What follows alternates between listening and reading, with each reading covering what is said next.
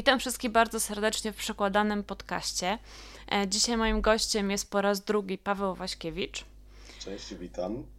Mm, ale nie będziemy rozmawiać o żadnych zaawansowanych narzędziach wspomagania tłumaczenia, ani żadnych szalonych korporacyjnych e, przekładach, e, tylko porozmawiamy o takim pisarzu, którego ze względu na to, że jesteśmy w przekładanym podcaście, a nie w karpiowym, w karpiowym nie musiałabym Gaia N. Smitha tutaj rozwinę może to drugie imię Gaia Newmana Smitha przedstawiać, natomiast przekładanym, ponieważ być może słuchają nas ludzie, którzy nie mieli do czynienia z tym panem, to jednak go przedstawię.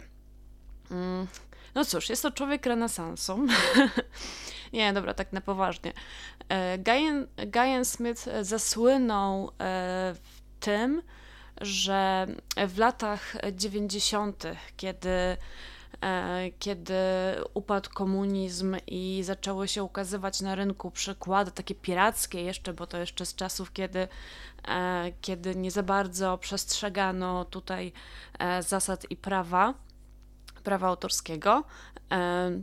Ukazywało się, ukazywało się bardzo dużo przykładów, między innymi horrorów, takich tanich horrorów w słynnym, kultowym wydawnictwie Phantom Press i właśnie Guyan Smith zasłynął wtedy e, taką serią o zmutowanych krabach. Szczerze mówiąc, nawet nie pamiętam, czy one były zmutowane, czy po prostu gigantyczne, ale myślę, że nawet, nawet ludzie, którzy nie czytają horrorów, to bardzo dobrze potrafią sobie wyobrazić, jakiego, to, jakiego typu jest to literatura. E, I to może ja teraz typ. Może mhm. wtrącę, żeby dodać, że kraby były a, wielkie jak krowa, tylko miały inny kształt. Są to słowa samego Gaja. Także myślę, że pomogą tutaj trochę. No podejrzewam, że można, można przyjąć, że były zmutowane. E, przyznam, że nie pamiętam ich źródła, myślę, że to najmniej istotne w tym momencie. Tak, w każdym razie myślę, że tutaj. E, no tak, jaką osobą jest Guy? Bardzo lubi palić fajki. Nawet e, znalazłam w internecie na Wikipedii takie stwierdzenie, że jest e, aktywnym działaczem profajkowym, protytoniowym. Nie wiem dokładnie, czym to może się objawiać, że tak powiem, ale podejrzewam, że wspiera jakąś kulturę palenia. No, no brał, dobra, okej. Okay. Brał udział w fascynujących konkursach na długość palenia fajki. Tak. Zakładam, że chodzi po prostu o to, że mają jakąś określoną ilość tytoniu i palą ją najdłużej jak mogą, co wydaje mi się trochę abstrakcyjne, ale no jest coś takiego. I Guy ma bodajże, albo przynajmniej miał na jakimś etapie Mistrzostwo Wielkiej Brytanii w tej tak, z pewnością miał, miał, miał osiągnięcia, co jest często podkreślane w jego, e, w jego może nie biografiach, tylko biogramach. E, pisał nie tylko horrory, chociaż na horrorach chyba zrobił największą karierę. Mm, pisał też jakieś książki historyczne, jakieś e, książki erotyczne. w taki, taki miał Mm, taką miał serię wyznania i tam było, że bankiera, e, czyściciela okien, jakieś takie rzeczy. bodajże też. A to jest... A, mhm. To chyba musimy zasmucić teraz polskich czytelników, bo o ile mnie wiadomo, to to nigdy się u nas nie ukazało, nie, także tylko nie. możemy a, powiedzieć, że to istnieje. A od siebie dodam jeszcze, że obstawiam, że tak jak z większością książek wydawanych w takich wydawnictwach w Wielkiej Brytanii gdzieś tam w latach 80., może być to co najmniej trudne do dostania. A jeśli nawet gdzieś tam na Amazonie sobie wisi, może kosztować absolutnie skandaliczne pieniądze, co swoją drogą pokazuje, że potencjalnie ma swoich nabywców. Tak, w ogóle no, trzeba tutaj podkreślić, że twórczość Smitha i sama osoba Smitha obrosła dość sporym kultem. I myślę, że w związku z tym kultem, że z niego wynika, tak, wynikają te wysokie ceny. No ten kult mam wrażenie, że odrodził się niedawno w Polsce. E, z tym, że trzeba zaznaczyć, że właśnie czuję się, jakbym tłumaczyła E, tłumaczyła coś, co wszyscy wiedzą, ale właśnie zakładam, że, że być może słuchają nas ludzie, którzy tego nie wiedzą. Ale Smith nie był znany z tego, że pisał doskonałe, wyrafinowane powieści e, dla, e, dla ambitnych czytelników i dla ludzi o wyrobionym guście, tylko takie beklasowe, przyjemne na dość niskim jakby e, niskim poziomie książki, które no, nie były zbytnio wymagające, ale domyślnie podobno sprawiają, że mnie osobiście nie umiałam w tym znaleźć. E, no niemniej takim można powiedzieć, że stał się tak jakby Mm, legendą B-klasy w Polsce. I jeżeli ktoś ma e, z Was, drodzy słuchacze, złe zdanie na temat, złe zdanie na temat horroru, to prawdopodobnie właśnie między innymi przez e, tego typu książki. E, ale może wyjaśnię też, co ty robisz w tym podcaście. Dlaczego się tu znalazłeś? To może ty powiedz, bo myślę, że tak. Dobra. Ja znalazłem się tutaj, jak podejrzewam, dlatego, że powziąłem czynną rolę w powrocie Gaja na nasz rynek, a mianowicie przetłumaczyłem jego książkę Przeklęci, która wychodzi teraz, to znaczy już jest e, w przedsprzedaży, a będzie rozsyłana chyba w styczniu na samym początku przez wydawnictwo Phantom Books, które jest oczywiście nawiązaniem do tego Phantom Pressu, o którym wspomniałaś. Tak, i powiedz mi, Dlaczego w ogóle zdecydowałeś się przetłumaczyć tę książkę? Bo z tego co wiem, nie jesteś fanem Gaja, a przynajmniej nie w takim znaczeniu, że podziwiasz jego twórczość, jeżeli już to ją wyśmiewasz z tego co kojarzę. Jestem absolutnie ironicznym fanem Gaja. To znaczy, w ogóle słowo fan jest e, skomplikowanym słowem, bo e, zawsze się zastanawiam, czy dorastam jakby do tego terminu. A od pana oczekiwałbym znajomości, nie wiem, 80% Ale to w przypadku autora, tak, tak płodnego autora byłoby problemem, podejrzewam. To byłoby problemem i nie ukrywam, że wciąganie go w dużych ilościach mogłoby być zabójcze dla organizmu. Ja osobiście tak świadomie, nie, nie mówię tutaj już o jakiejś wczesnej nastoletniości czy coś, przeczytałem bodajże z 10-12 książek, przy czym od pewnego momentu, czyli właściwie od wtedy liczę to, to świadome czytanie, czytałem je głównie po angielsku. I dlaczego to, to zaraz wyjaśnię. Mój stosunek do twórczości Gaja jest taki, że nie powiedziałbym, żeby to była taka stricte klasa B, przynajmniej ja nie odbieram tego w ten sposób, bo klasa B zakłada gdzieś tam, że to jest tanie pod względem no, jakichś użytych chwytów, że może sięgać po, po jakąś kiczowatą stylistykę, ale niekoniecznie zakłada to, co u Gaja dostajemy. A, a mianowicie myślę, że jest to szmira. Jest to po prostu e, straszliwa niekompetencja, jeśli chodzi o składanie zdań, akapitów, fabuły, postaci i w zasadzie wszystkiego. A, także jeśli do czegoś miałbym to przyrównać, to mniej do klasy B w takim sensie jak na przykład e, Evil Dead, mm -hmm. jeśli chodzi o filmy, a bardziej do czegoś w stylu uh, The Room. Nie wiem na ile ten film uh, jest polskiemu odbiorcy znany, powinien się wkrótce trochę spopularyzować, bo wychodzi uh, biografia, to znaczy nie biografia, wychodzi film o, o twórcy tego filmu, który nazywa się, i teraz mówię o filmie o twórcy tego filmu, nie zagubmy się, Disaster Artist, czyli artysta katastrofalny. I myślę, że to jest coś w tym stylu bardziej, czyli jest to kult e, i fascynacja wynikająca z tego, jak bardzo coś jest katastrofalne. Że to jest to uczucie, które towarzyszy ci, jak oglądasz, nie wiem, wypadek e, kolejowy czy coś takiego, nie? Jak na filmach ludzie zderzają specjalnie modele pociągów, żeby zobaczyć, jak się wykolejają. To, to jest coś na tej zasadzie. Trochę pewnie też wynika z takiej potrzeby poczucia wyższości, żeby się pośmiać z kogoś, haha, ale on jest niekompetentny. Mhm. Nawet ja bym to lepiej napisał. Myślę, że dużo ludzi przy, przy Gaju ma, ma takie wrażenie. Czy jest ono prawdziwe, to, to jest inna kwestia. Natomiast e, niewątpliwie Gaj ma potencjał na wzbudzanie silnych emocji. Właśnie dlatego, że e, jedni go traktują z przymrużeniem oka, ale jednak czerpią taką nieironiczną przyjemność w dużej części z jego twórczości. Inni nie widzą problemu w ogóle i, i jakby traktują go jako lekką, relaksującą rozrywkę. Jeszcze inni go widzą właśnie jako tego katastrofalnego artystę, który e, produkuje coś, co powinno być e, czczone jako ostateczny syf i, i tandetę. Także spojrzeń na Gaia jest dużo. Moje jest najbliższe właśnie temu ostatniemu. Ja jestem osobiście zachwycony tymi wszystkimi drobnymi wpadkami, tymi dziwnymi sformułowaniami, tym zamierzonym dramatyzmem, który wychodzi na coś niezamierzenie śmiesznego. No właśnie, bo mam wrażenie, że są takie dwa obozy i to w ogóle zawsze, zawsze się tworzą w momencie, kiedy mówimy o czymś, co jest, z, co jest złe. I właśnie, jedni mówią, że e, B-klasa e, jest zła z założenia, inni mówią, że to jest raczej po prostu złe, tak, że, że autor starał się, ale nie, nie, nie udało mu się nie udało mu się stworzyć nic dobrego. Ja zawsze mam z tym problem, dlatego że z jednej strony rozumiem potrzebę tworzenia rzeczy, które są z założenia kampowe.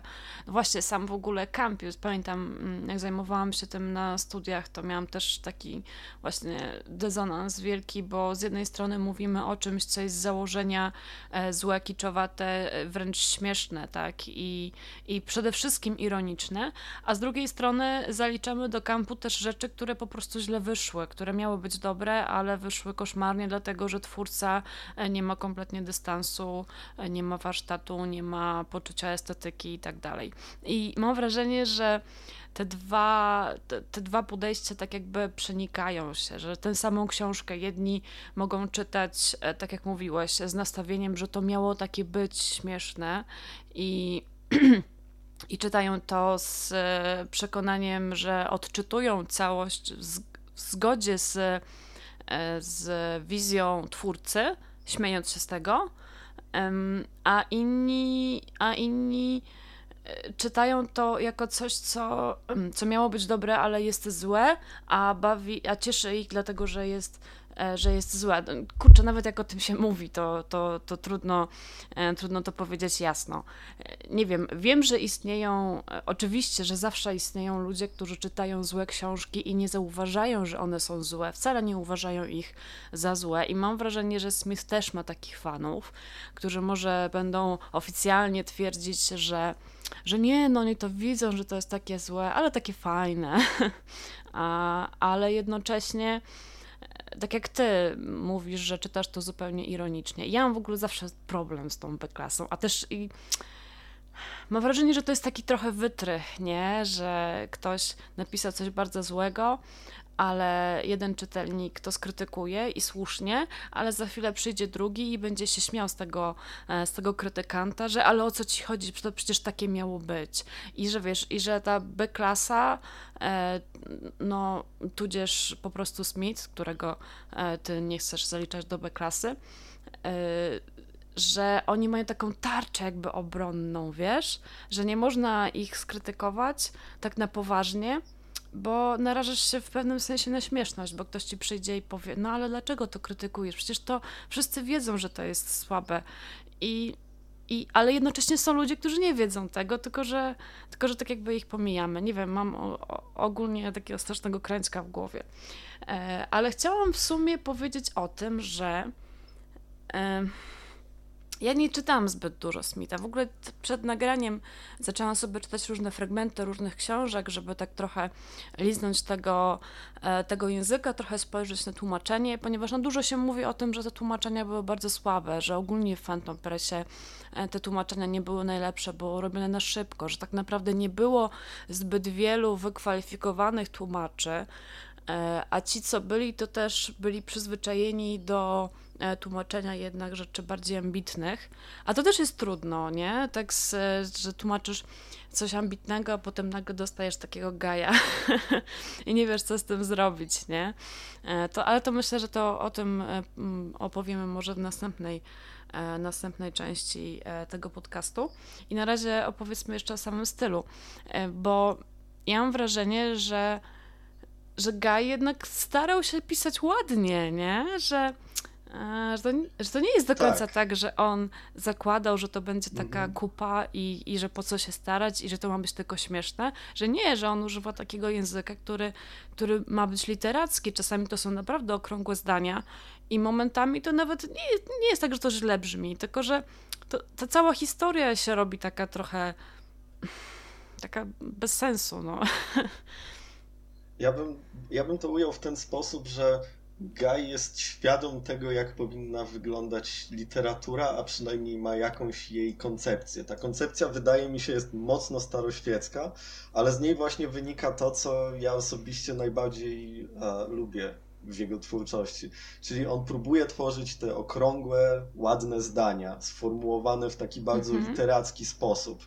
I to dotyczy wszystkiego. To dotyczy także dialogów. Jego postaci nie mówią jak ludzie, oni mówią jak ktoś, kto wie, że jest w tak. literaturze i posługuje się jakimiś literackimi sformułowaniami, które w ogóle nie przystają do sytuacji, nie przystają do tej fabuły i, i tak dalej.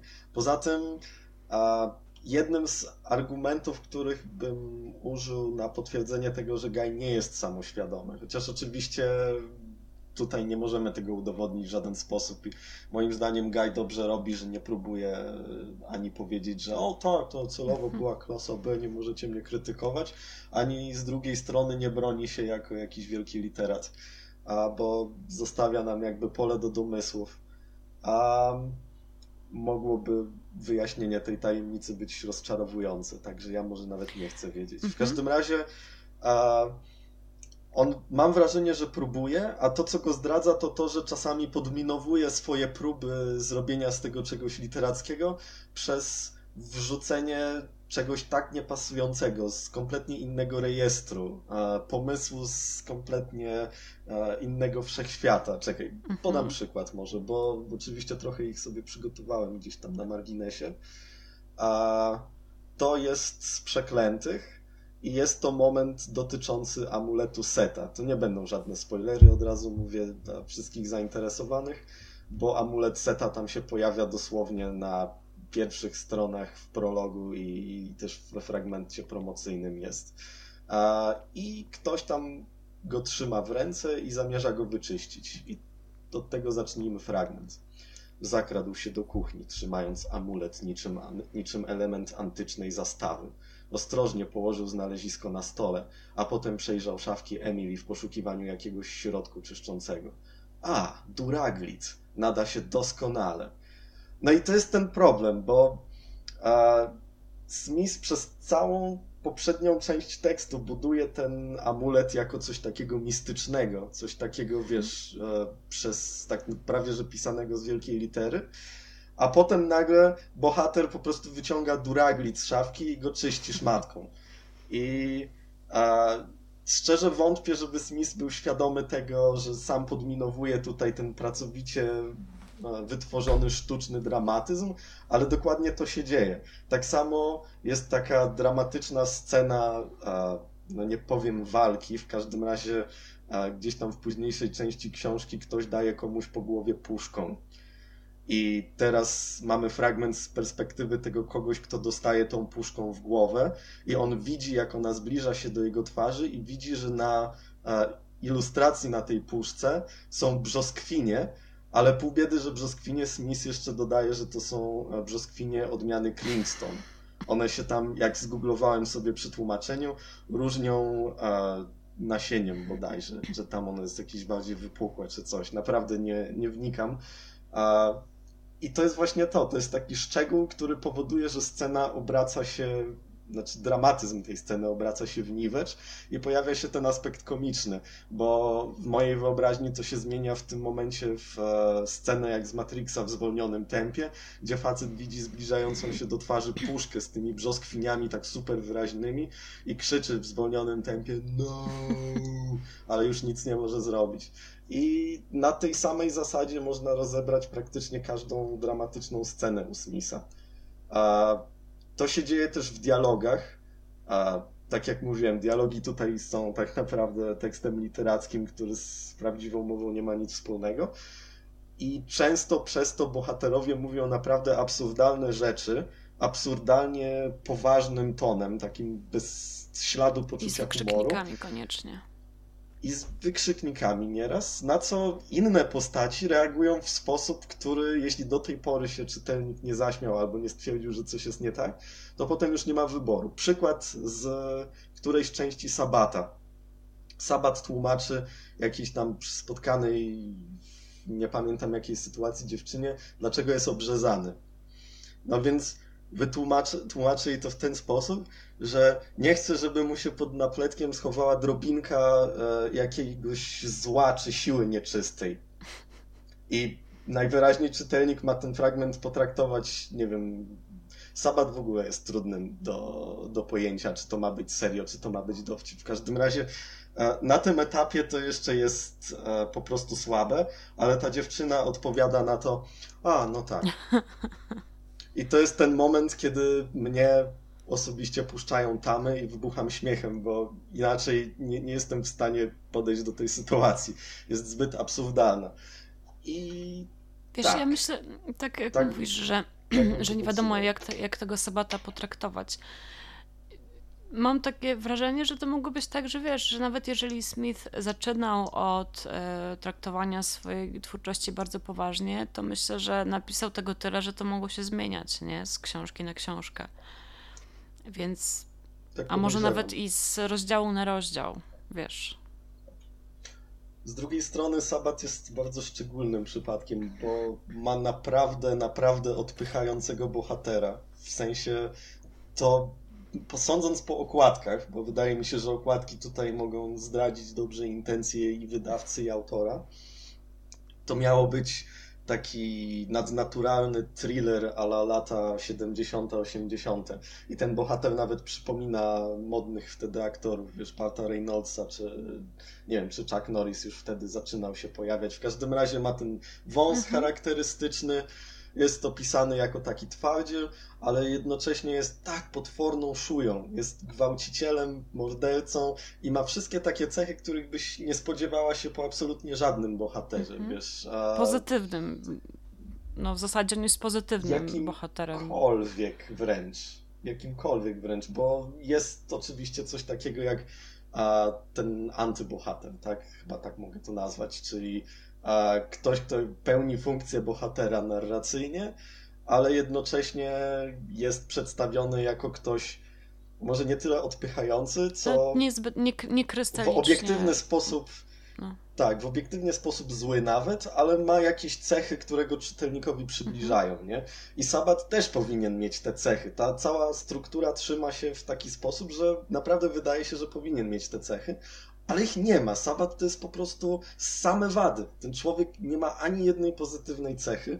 Jest po prostu potworem i zwierzęciem. Inaczej nie umiem go opisać.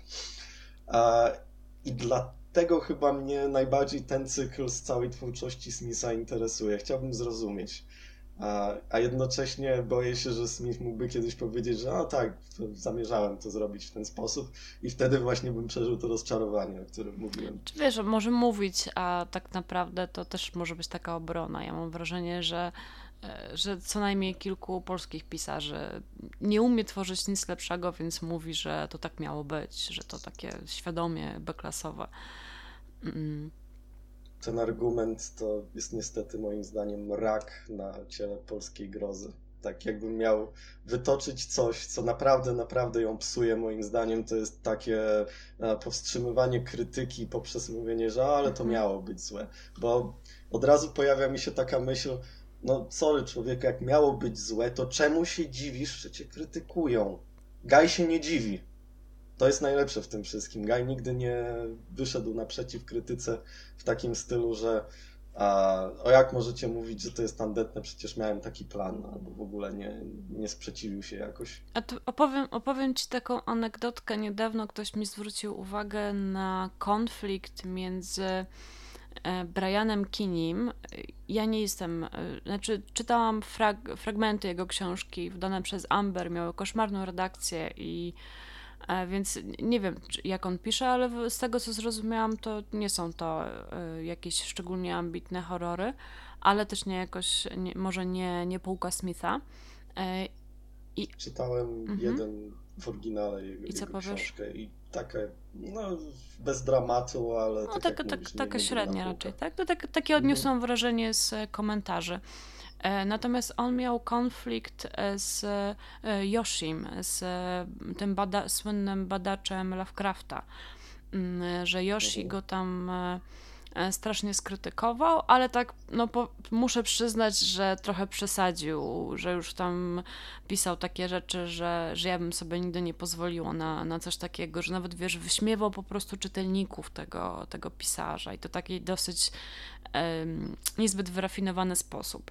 Ale z, z całego tego konfliktu właśnie śmieszyło mnie, ale też tak dziwiło i trochę wkurzało, bo rozpoznawałam po prostu te same motywy, jakie pojawiają się w naszym, w naszym środowisku, że wiesz, że niby ten Kini jest świadomy tego, że, że nie tworzy nie wiadomo jak popularny, e, tfu, nie wiadomo jak ambitnej literatury i nawet sam e, napisał kurczę, nie pamiętam jak to było w oryginale, pamiętam, że sobie od razu e, to przetłumaczyłam e, na polski w głowie, że dla takich, dla takich Januszy i Grażyn, a nie dla, nie dla Josiego piszę, wiesz, w sensie, że o, o, już wiem, że dla Smitha z Teksasu, czy coś takiego napisał, nie? Że, że wiesz, że jest świadomy mhm. tego, że nie pisze dla mm, czytelnika wyrobionego, tylko takiego, no, który chce się tam po pracy zaznać trochę rozrywki i niby jest tego świadomy, a z drugiej strony strasznie go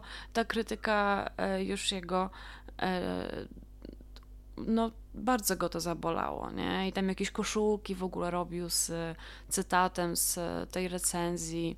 Wiesz, tak na siłę pokazywał, że ma taki ogromny dystans, a widać było, że, że strasznie go to boli. I, i właśnie mam taki no mnie to trochę mierzi i trochę wkurza, że nie można już powiedzieć, że jakaś książka jest zła, bo zaraz usłyszysz, że to tak miało być, a w ogóle to się nie znasz i tak dalej. A jeszcze chciałam wspomnieć o tym, bo rozmawiamy o tym, że ten styl e, Smitha mimo wszystko próbuje być bardzo literacki. Znaczy sam styl, bo ja tu w ogóle widzę ogromny dysonans właśnie między e, tym, że to jest tak napisane, tak jakby to miała być taka co najmniej dobra literatura, a z drugiej strony rzeczy, które się tam dzieją, są takie właśnie absurdalne i takie czasami zwyczajnie głupie i też tak um, fabuła jest tak nieprzystająco prosta momentami, że ojej, jest jakiś potwór, no to, no to uciekajmy, ojej, goni nas potwór, a jednocześnie to wszystko jest napisane takim, wiesz, językiem prawie kwiecistym wręcz, że i tak i myślę, że to. Ja się trochę nie spodziewałam, szczerze mówiąc. Ja faktycznie czytałam Sabata, tylko jedną tą książkę, i ona chyba, no, tak jak mówisz, jest dosyć. Jest nawet jak na Smitha wyjątkowa. Natomiast ja się spodziewałam raczej czegoś takiego, co zobaczyłam. E, teraz czytam Strach e, Józefa, Józefa Kariki ze Słowacji.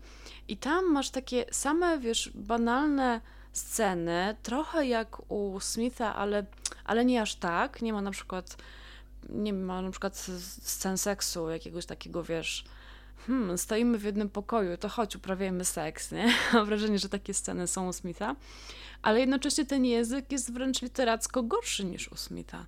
I się zastanawiam, czy ta B-klasa współczesna nie jest jeszcze gorsza od Smitha, dlatego że ona już nawet językowo się nie stara. Nie wiem, czy można to podciągnąć tylko pod współczesną B-klasę, bo i Smith miał swoich współczesnych konkurentów, którzy nie prezentowali, no dobra, nie chcę powiedzieć takiego poziomu, ale nie starali się tak jak on. Ale też nie zapędziłbym się ze stwierdzeniami, że jego hmm. styl jest rzeczywiście literacki. Nie, to jest bardziej jak styl kogoś, kto bardzo próbuje naśladować styl literacki, ale tak naprawdę po przyjrzeniu się dochodzę do wniosku, że Smith bardzo idzie na skróty. A chociażby mm, dopiero to zauważyłem, szczerze mówiąc, przy tłumaczeniu, dlatego że stwarzało to dużo problemów podczas przekładania tego na polski. Smith omija trud, trudne jakby konstrukcje gramatyczne w taki sposób, że najczęściej używa tych form z ingiem, czyli ktoś siedzi i, i robi coś i tutaj nie dostajesz nawet podmiotu, czyli kto to jest, tylko sitting in a chair, doing something else, looking at the wall. I to jest przedstawione w taki sposób, że na polski to właściwie by się tłumaczyło jako równoważniki zdania i wtedy po polsku to by było całkowicie nieczytelne. To byłoby niezrozumiałe, niemożliwe do, do przetworzenia. I na dłuższą metę, jak wczytasz się w to, co Guy pisze, to zauważasz, że każdym jego akapicie dłuższym niż kilka zdań tak naprawdę gubi się gdzieś e, ciąg przyczynowo-skutkowy, gubi się podmiot. gubi się praktycznie wszystko właśnie w tym, że on używa raz za razem tej samej struktury. Ona jest czytelna, jak, się nie, jak nie wnikasz. Kiedy zaczniesz wnikać, to nagle zaczynasz nabierać wątpliwości, co masz przed oczami tak naprawdę. A także on idzie na łatwiznę w niektórych momentach i dlatego można odnieść wrażenie, że wychodzi mu to lepiej niż, niż można się było spodziewać. Ale mimo wszystko, czego by nie mówić o tej niekompetencji językowej, czy, czy o tym, że idzie na łatwiznę, mhm. to on ma to takie naprawdę bardzo klasyczne, staroświeckie wyobrażenie o stylu literackim i nigdy mm, przez ani jeden moment swojej kariery nie odpuścił tego. On cały czas, nawet dzisiaj, pisze w dokładnie ten sam sposób. A, także to jest na swój sposób interesujące. No bo nie wiem, czy jesteś, nie wiem, czy jesteś fanem, czy tam czytelnikiem Mastertona, ja nie przyglądałam się nigdy jakoś e, szczególnie blisko jego stylowi, ale mam wrażenie, że jest dużo prostszy mimo wszystko, że on się nie, nie stara aż tak bardzo jak Masterton e, Smith. chyba chce być przezroczysty albo w ogóle o tym nie myśli. Na pewno jego mhm. styl jest taki nieszkodliwy z perspektywy czytelnika. Czasem tam jakieś czerstwe porównanie może wskoczy, ale a poza tym to nawet nie umiałbym chyba postawić zarzutów. Po prostu jest.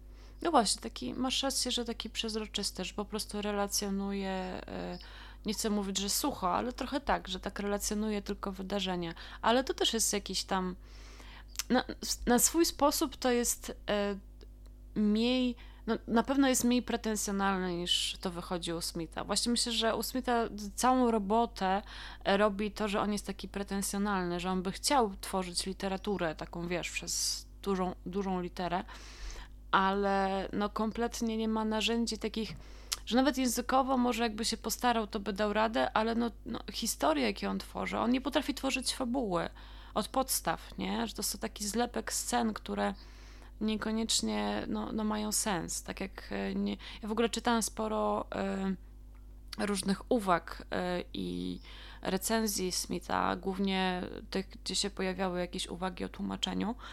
Mm, I tam było bardzo dużo zarzutów właśnie, że, że książka zaczynała się tak, w środku była inna, a na końcu w ogóle jeszcze jakieś zupełnie coś odjechanego i że to się zwyczajnie nie kleiło na poziomie fabuły. Ja myślę, że to jest efekt po prostu pisania bez planu zwyczajnie w świecie. I znowu przy takim szybkim czytaniu bez namysłu dużo z tego może umknąć czytelnikowi, ale jak się przyjrzeć, to, to rzeczywiście tam a są motywy, które się całkowicie rozjeżdżają między sobą. A jeśli chodzi o te braki i niemożność osiągnięcia efektu docelowego, to jedną z moich ulubionych rzeczy u Gaja jest e, to, jak on akcentuje wszystkie dramatyczne sceny. E, czyli wykrzykniki, to już powiedziałeś, w dialogach, kiedy jest coś mhm. dramatycznego, rzeczywiście one się pojawiają ale chyba najlepszym motywem są kursywy. Kursywy, które swoją drogą, bo ja nie mam jakiegoś mega negatywnego zdania o tłumaczeniach z Phantom Press.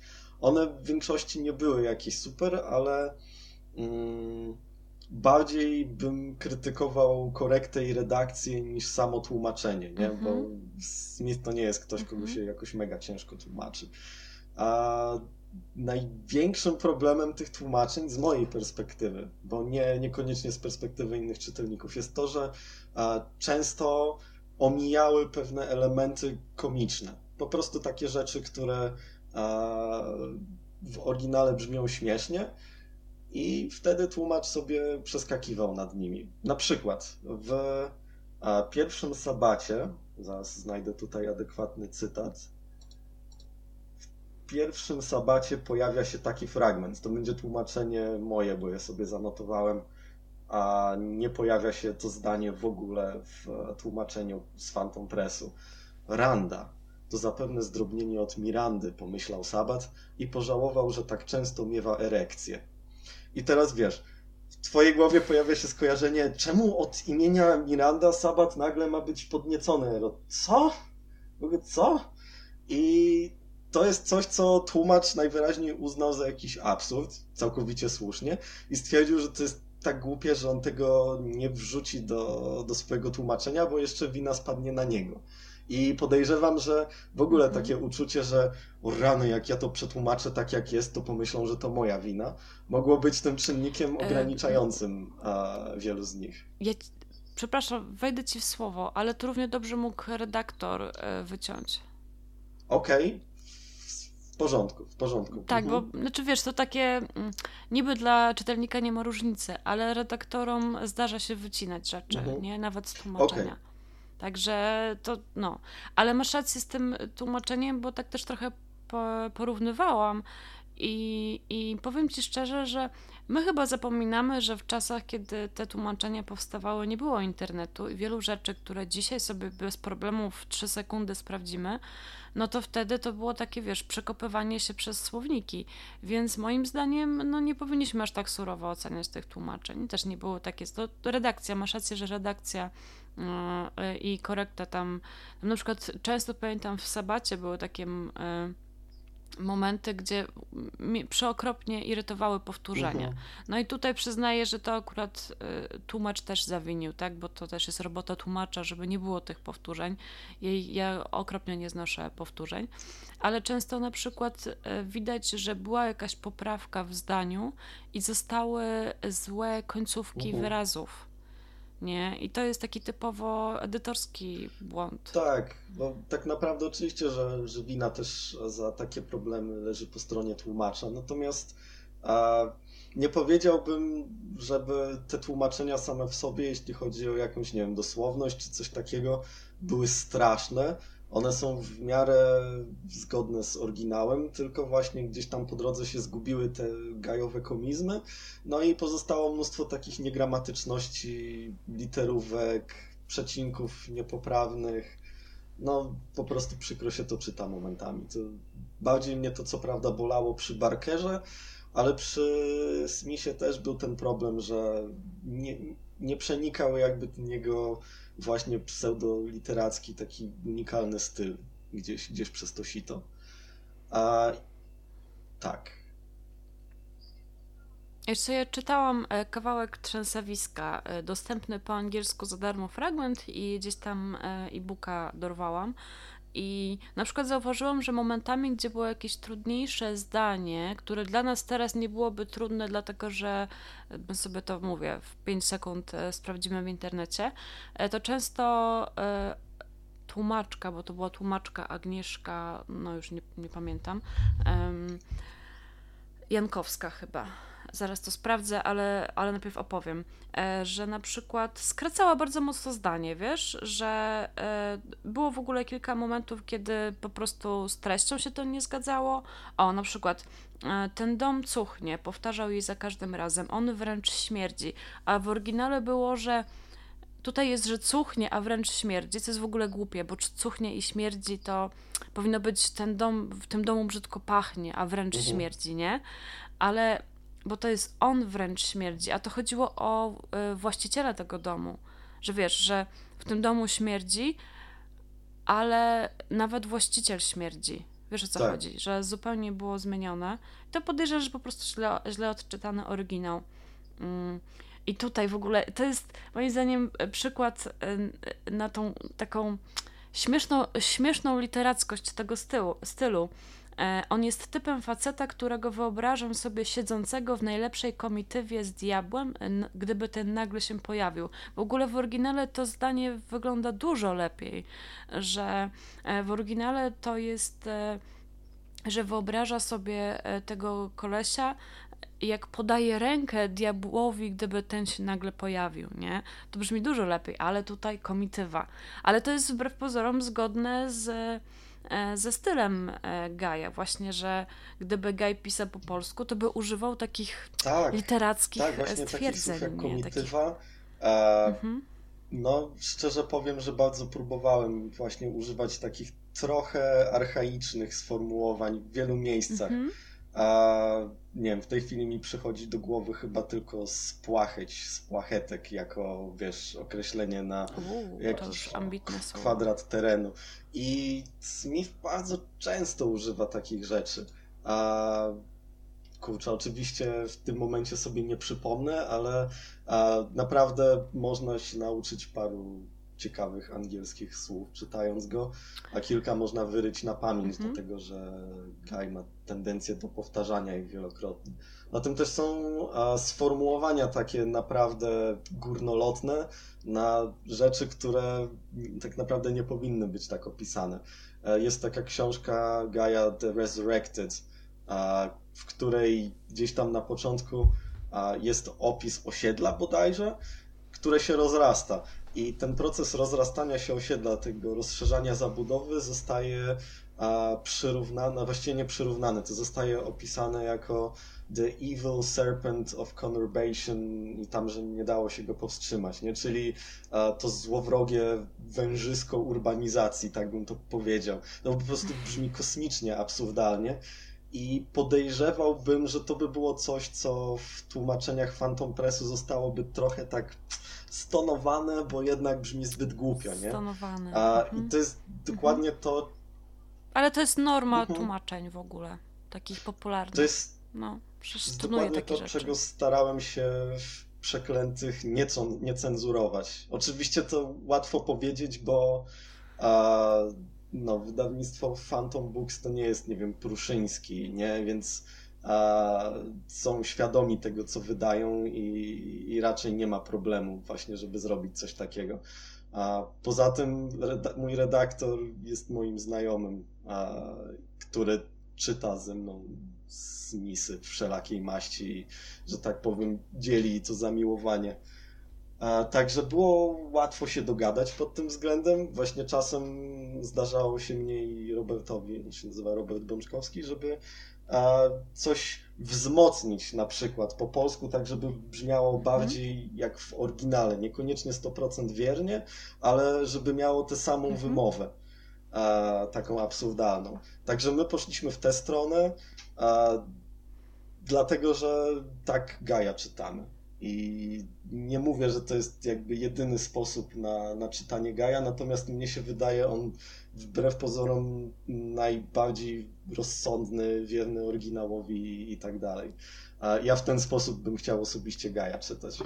I dlatego właśnie głównie po, po oryginalne wydania sięgam. Zwłaszcza, że ważniejsze książki są wszystkie w e-bookach w niskich cenach na Amazonie, także jakby ktoś czytał po angielsku i był zainteresowany, żeby skosztować, że tak powiem, oryginalnego stylu Gaja, to można. Nie jest to trudne.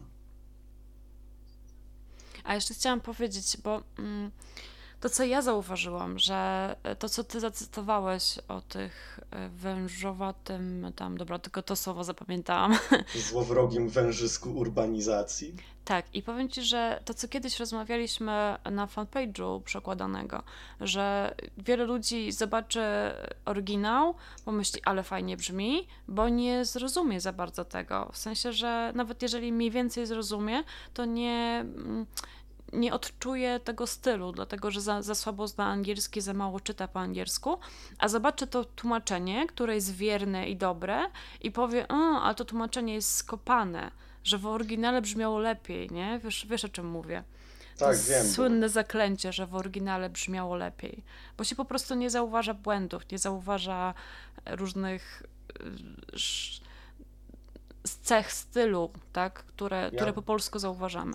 Ja mogę to na własnym przykładzie potwierdzić. Słowo serpent, które pada w, tutaj w oryginale i które zaproponowałem po polsku jako wężysko, to jest właśnie słowo, które mi się kiedyś znakomicie podobało po angielsku, bo było takim ładnym zastępstwem dla snake. Zupełnie co innego. Cóż za egzotyka, prawda? Tak. Także, no niestety tak to działa. A z czasem im lepiej się zna język, to ta egzotyka gdzieś tam przepada i wtedy dopiero zaczynasz widzieć to tak, jak widzi to a Brytyjczyk w tym wypadku tak. po prostu. No, także tam niewątpliwie z naszej perspektywy ta egzotyka też jest bardzo interesująca, bo pojawiają się tam takie rzeczy z kolorytów, wiesz, Wielkiej Brytanii lat 80., które akurat te są tymi rzeczami, które często trzeba było wycinać, bo ich wyjaśnienie bez przypisu było praktycznie niemożliwe, a przypis byłby, no nie wiem, ale tutaj już naprawdę mu się wygłupiał jako tłumacz. Przykład, A w Wielkiej Brytanii, nie wiem czy dalej, czy tylko wtedy, używa się albo używało się ręczników na rolkach. I teraz uwaga, to nie jest tak, że po prostu wieszasz sobie ręcznik na rolce, to jest ręcznik rozciągnięty na dwóch rolkach jak gąsienica. On nie jest normalnie prostokątny, on jest takim zawiniętym pasem materiału, który no, tworzy takie koło. Nie wiem, czy ja to opisuję sensownie. W każdym razie wycieranie w niego rąk polega na tym, że go tak ciągniesz, ciągniesz i on się tak bez końca roluje na, na tych rolkach. I teraz Jakie to ma znaczenie dla czegokolwiek w tej fabule? Oczywiście, że żadne, w związku z tym musiałem odpuścić, ale Guy jakby dostarcza też dużo takich drobnych, kulturowych ciekawostek, które tak naprawdę nikogo pewnie nie obchodzą, ale dla mnie są bardzo urocze. No to są takie, wiesz, szczegóły, które no w sumie po co one tu są, nie? Co, co to za różnica, jaki to był ręcznik? Ale to są takie szczegóły, które no nie wiem, w sumie Dużo tu zależy od tego, jak traktujemy e, książkę. Gdyby to był normalny kryminał uznanego pisarza, to prawdopodobnie napisałbyś ten przypis. Zostawiłbyś ten ręcznik, nie? Jako taką ciekawostkę wręcz. Możliwe.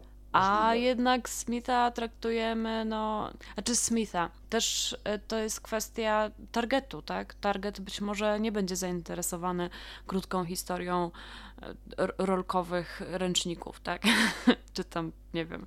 No więc nie jest, no właśnie, więc to jest takie trochę, ty byś się namęczył, jak to przetłumaczyć, jak to zachować, jak to y, opisać w przypisie, a no, czytelnik by to docenił, a może by docenił, bo tak jak mówisz, co innego y, Pruszyński, co innego jakieś wydawnictwo, które by próbowało Smitha sprzedać jako, jako pisarza, no chociaż średniego, mm, a co innego takie samoświadome wydawnictwo jak e, Phantom Books nie? To też jest trochę inaczej. Tylko pytanie, czy, czy faktycznie ci czytelnicy Smitha współcześni, to czy oni faktycznie są tacy świadomi, czy to raczej jest takie hmm, wrócę do kultowego pisarza mojego nastoletniego, e, mojego nastoletniego ja, nie? Mam wrażenie, że to bardziej tak działa.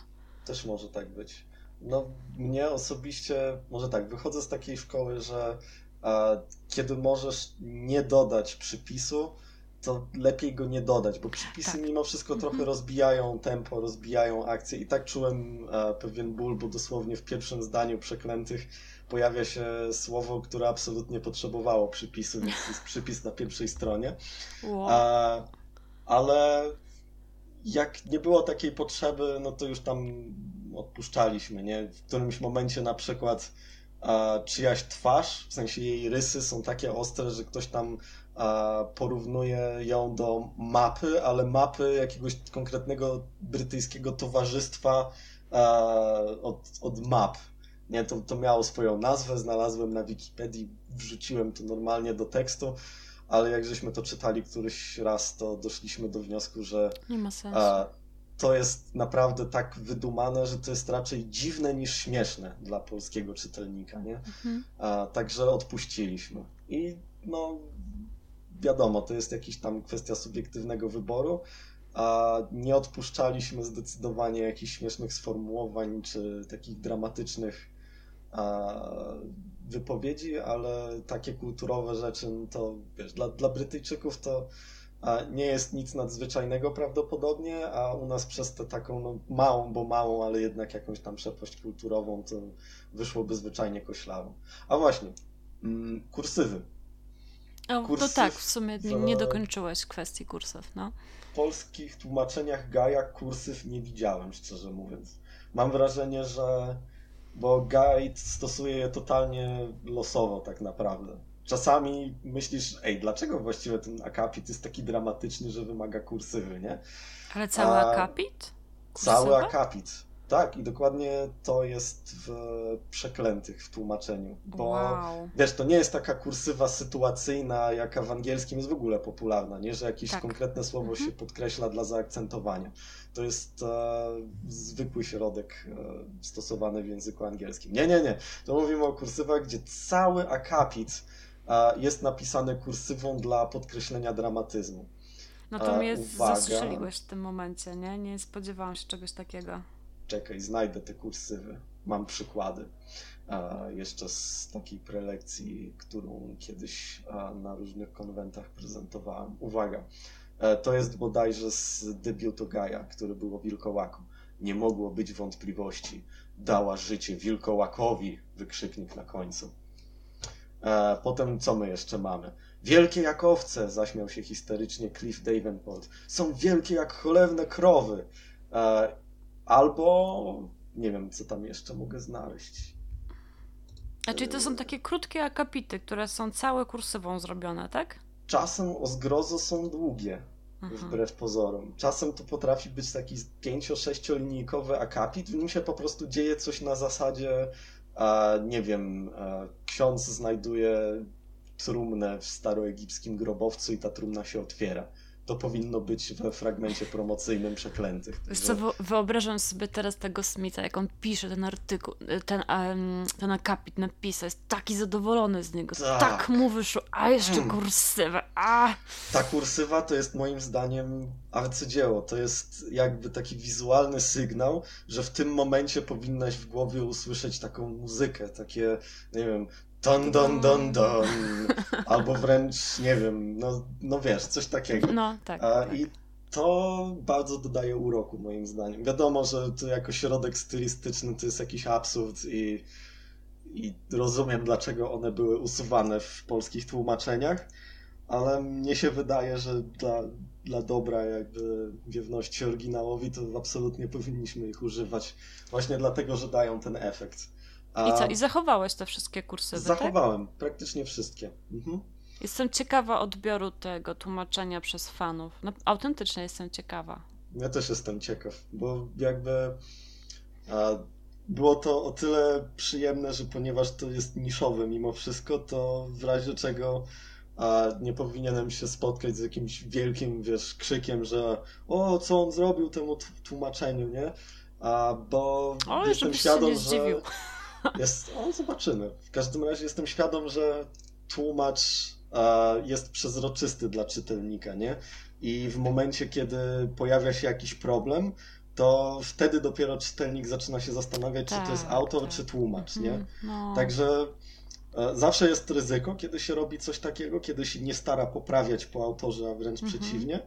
Ale w tym wypadku byłem nie tylko skłonny podjąć to ryzyko, ale chętny. To totalnie była taka praca e, hobbystyczna, nie powiem, że jakaś obsesyjna, e, nic z tych rzeczy, ale, ale jednak zrobiłem to wiedząc, co chcę zrobić. Tak swoją drogą no. Wykorzystam okazję, tak jak zwykle to robię, kiedy mówię o, o Gaju Smithy, że e, wspominam o takim miniserialu brytyjskim, który się nazywa Garth Marenghi's Dark Place. To jest taki sześcioodcinkowy miniserial, który się pojawił w brytyjskiej telewizji gdzieś tam na początku a, lat 2000 wczesnych i a, to jest miniserial, który trochę podśmiewa się ze starych seriali grozy i science fiction tak z lat 80., 70., ale bardzo intensywnie czerpie też z takiej beklasowej, pulpowej, tandetnej literatury z tamtego okresu a główny bohater tego serialu jest pisarzem grozy, przy czym ujmijmy to w ten sposób. Ten serial ma taką dwuwarstwową strukturę. Jej pod, jego podstawowa warstwa to jest a, tak naprawdę a, historia o grupie filmowców i tym pisarzu, którzy zrobili miniserial w latach 80 i teraz nam opowiadają, jaki ten serial był niedoceniony, ale znakomity, fantastyczny. I e, ich komentarze są nałożone właśnie na odcinki tego rzekomego serialu. Bardzo pomaga to, że iluzja jest fantastyczna. To naprawdę wygląda jak nakręcone w latach 80., a aktorzy generalnie nie wychodzą z roli nawet przez chwilę. Większość z nich w tej warstwie wierzchniej gra po prostu ludzi, którzy e, kręcą filmy, ale w tej warstwie serialowej już gra aktorów, którzy grają role i grają te role tragicznie.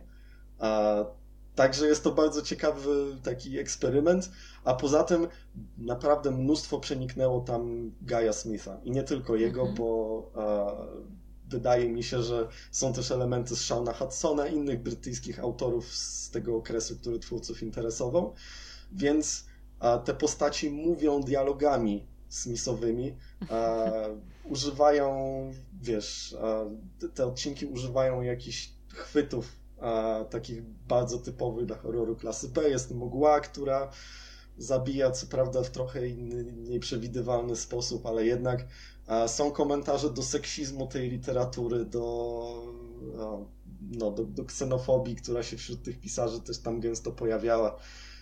Jest to bardzo przemyślane, bardzo fajne. Niestety nikt tego nie zna i jest tak koszmarnie nieprzetłumaczalne na polski, że podejrzewam, że naprawdę mm, byłoby ciężko coś z tym zrobić. Nie ma oficjalnej dystrybucji, gdzieś tam są fanowskie napisy z tego co kojarzę, ale no niestety. Najbardziej to polecam tym, którzy angielski znają, ale za to jak już, zna, jak już ktoś zna, to polecam bardzo, bardzo intensywnie. Jedna z najlepszych e, jakby może tak najlepszych komentarzy do, do całego gatunku i, i do jego wyglądu z tamtego okresu. Nie taka sentymentalna podróż, tylko takie bardziej prześmiewcze. Z dystansem coś. taki. Dobra. No.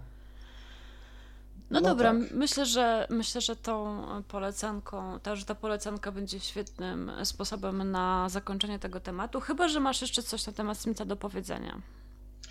Tak na, na pewno, sam koniec.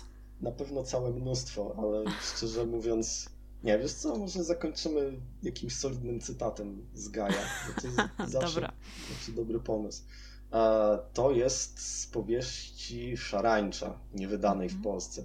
Pospiesz się, Rodż, leżę tu naga i desperacko potrzebuję pieprzenia. Na suficie siedzi szarańcza, ale nie przejmuj się tym. Dialogi, dialogi Gaja, po prostu. I czekaj, może jeszcze z powieści The Resurrected, która traktuje w ogóle o dziewczynie, która zostaje wskrzeszona bo tak, po prostu wskrzeszają na życzenie jej męża taki właściwie nie wiadomo kto to jest, no jakiś koleś parający się okultyzmem i czarną magią, przy czym robi to, podejmuje się tego wskrzeszenia za 100 funciaków i jeździ na rowerku, także jest to ciekawa postać. A potem w, e, gdzieś tam w dalszej części lekarz przychodzi do, do tej dziewczyny po tym, jak już została wskrzeszona, i to jest jego komentarz. Ta biedna, wyklęta przez bogów dziewczyna nie tylko właśnie wstała z łoża śmierci, ale jeszcze stała się nimfomanką. I tym optymistycznym akcentem proponuję zakończyć. Tak, to jest doskonała, doskonała puenta tego podcastu. Bardzo Ci dziękuję za rozmowę, a naszych słuchaczy odsyłamy do. E, ja umieszczę kilka linków w opisie do bardzo ciekawego wywiadu z redaktor naczelną Phantom Pressu e, i oczywiście do przedsprzedaży książki, którą tłumaczyłeś. Myślę, że to będzie E, dobry dodatek do tego podcastu, tak, żeby można było na własnej skórze przekonać, jaki to Smith był cudowny to ja jeszcze pisarzem. Może, może od siebie dorzucę jakiś link do informacji o serialu wspomnianym. No. O, tak, to też jest dobry pomysł. Dobra, to dziękuję jeszcze raz. E, dziękuję słuchaczom e, za wysłuchanie naszej rozmowy i polecam sekcję komentarzy. o Smithie zawsze wszyscy mają dużo do powiedzenia generalnie. Tak, także do usłyszenia. E, dzięki, cześć. Dzięki wielkie.